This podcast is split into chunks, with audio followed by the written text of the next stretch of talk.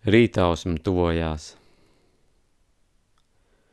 Mēs nevaram uz kaut ko skatīties vienpusēji.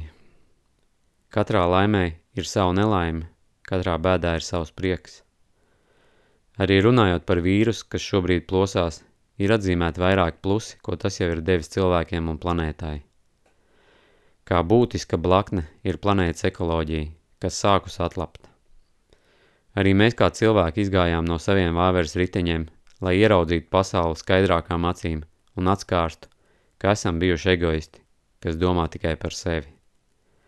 Šī piespieda atālpa mūs satuvinās, radīs vilkmi uz dabīgo, tai skaitā dabu, atstās iespaidu uz mūsu darbiem, kas vairāk kļūs attālinātāki, un par ko man ir vislielākais prieks, bērni sapratīs, ka skolas, kādas tās ir šobrīd, patiesībā nav vajadzīgas, jo visu IQ daļu var apgūt attālināti. Tas var mainīt pasauli līdz nepazīšanai. Mums tikai ir jābūt pietiekami stipriem, lai turpinātu iet šo ceļu.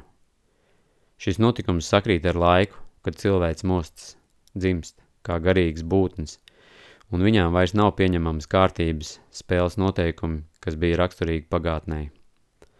Cilvēki vairs nav mierā ar paverdzināšanu un arvien demonstratīvāk šo viedokli pauž pasaulē. Vīrus šajā ziņā ir mūsu sabiedrotais – lai atbrīvotu mūs no vecām un stagnējošām sistēmām, pārstartēt mūsu un pasauli jaunai spēlei. Taču valdības šo visu izmantos savā labā, šobrīd ieviešot komandants stundas visā pasaulē, taču vēlāk piedāvājot vēl striktāks ierobežojums un kontroli. Neviens labprātīgi līdz šim nav vēlējies sadot savu varu kādam. Arī valdības, kā tādas pastāv aizējošā laikmeta kārtība, un evolucionāri Šāds pārvaldības modelis vairs nevar pastāvēt.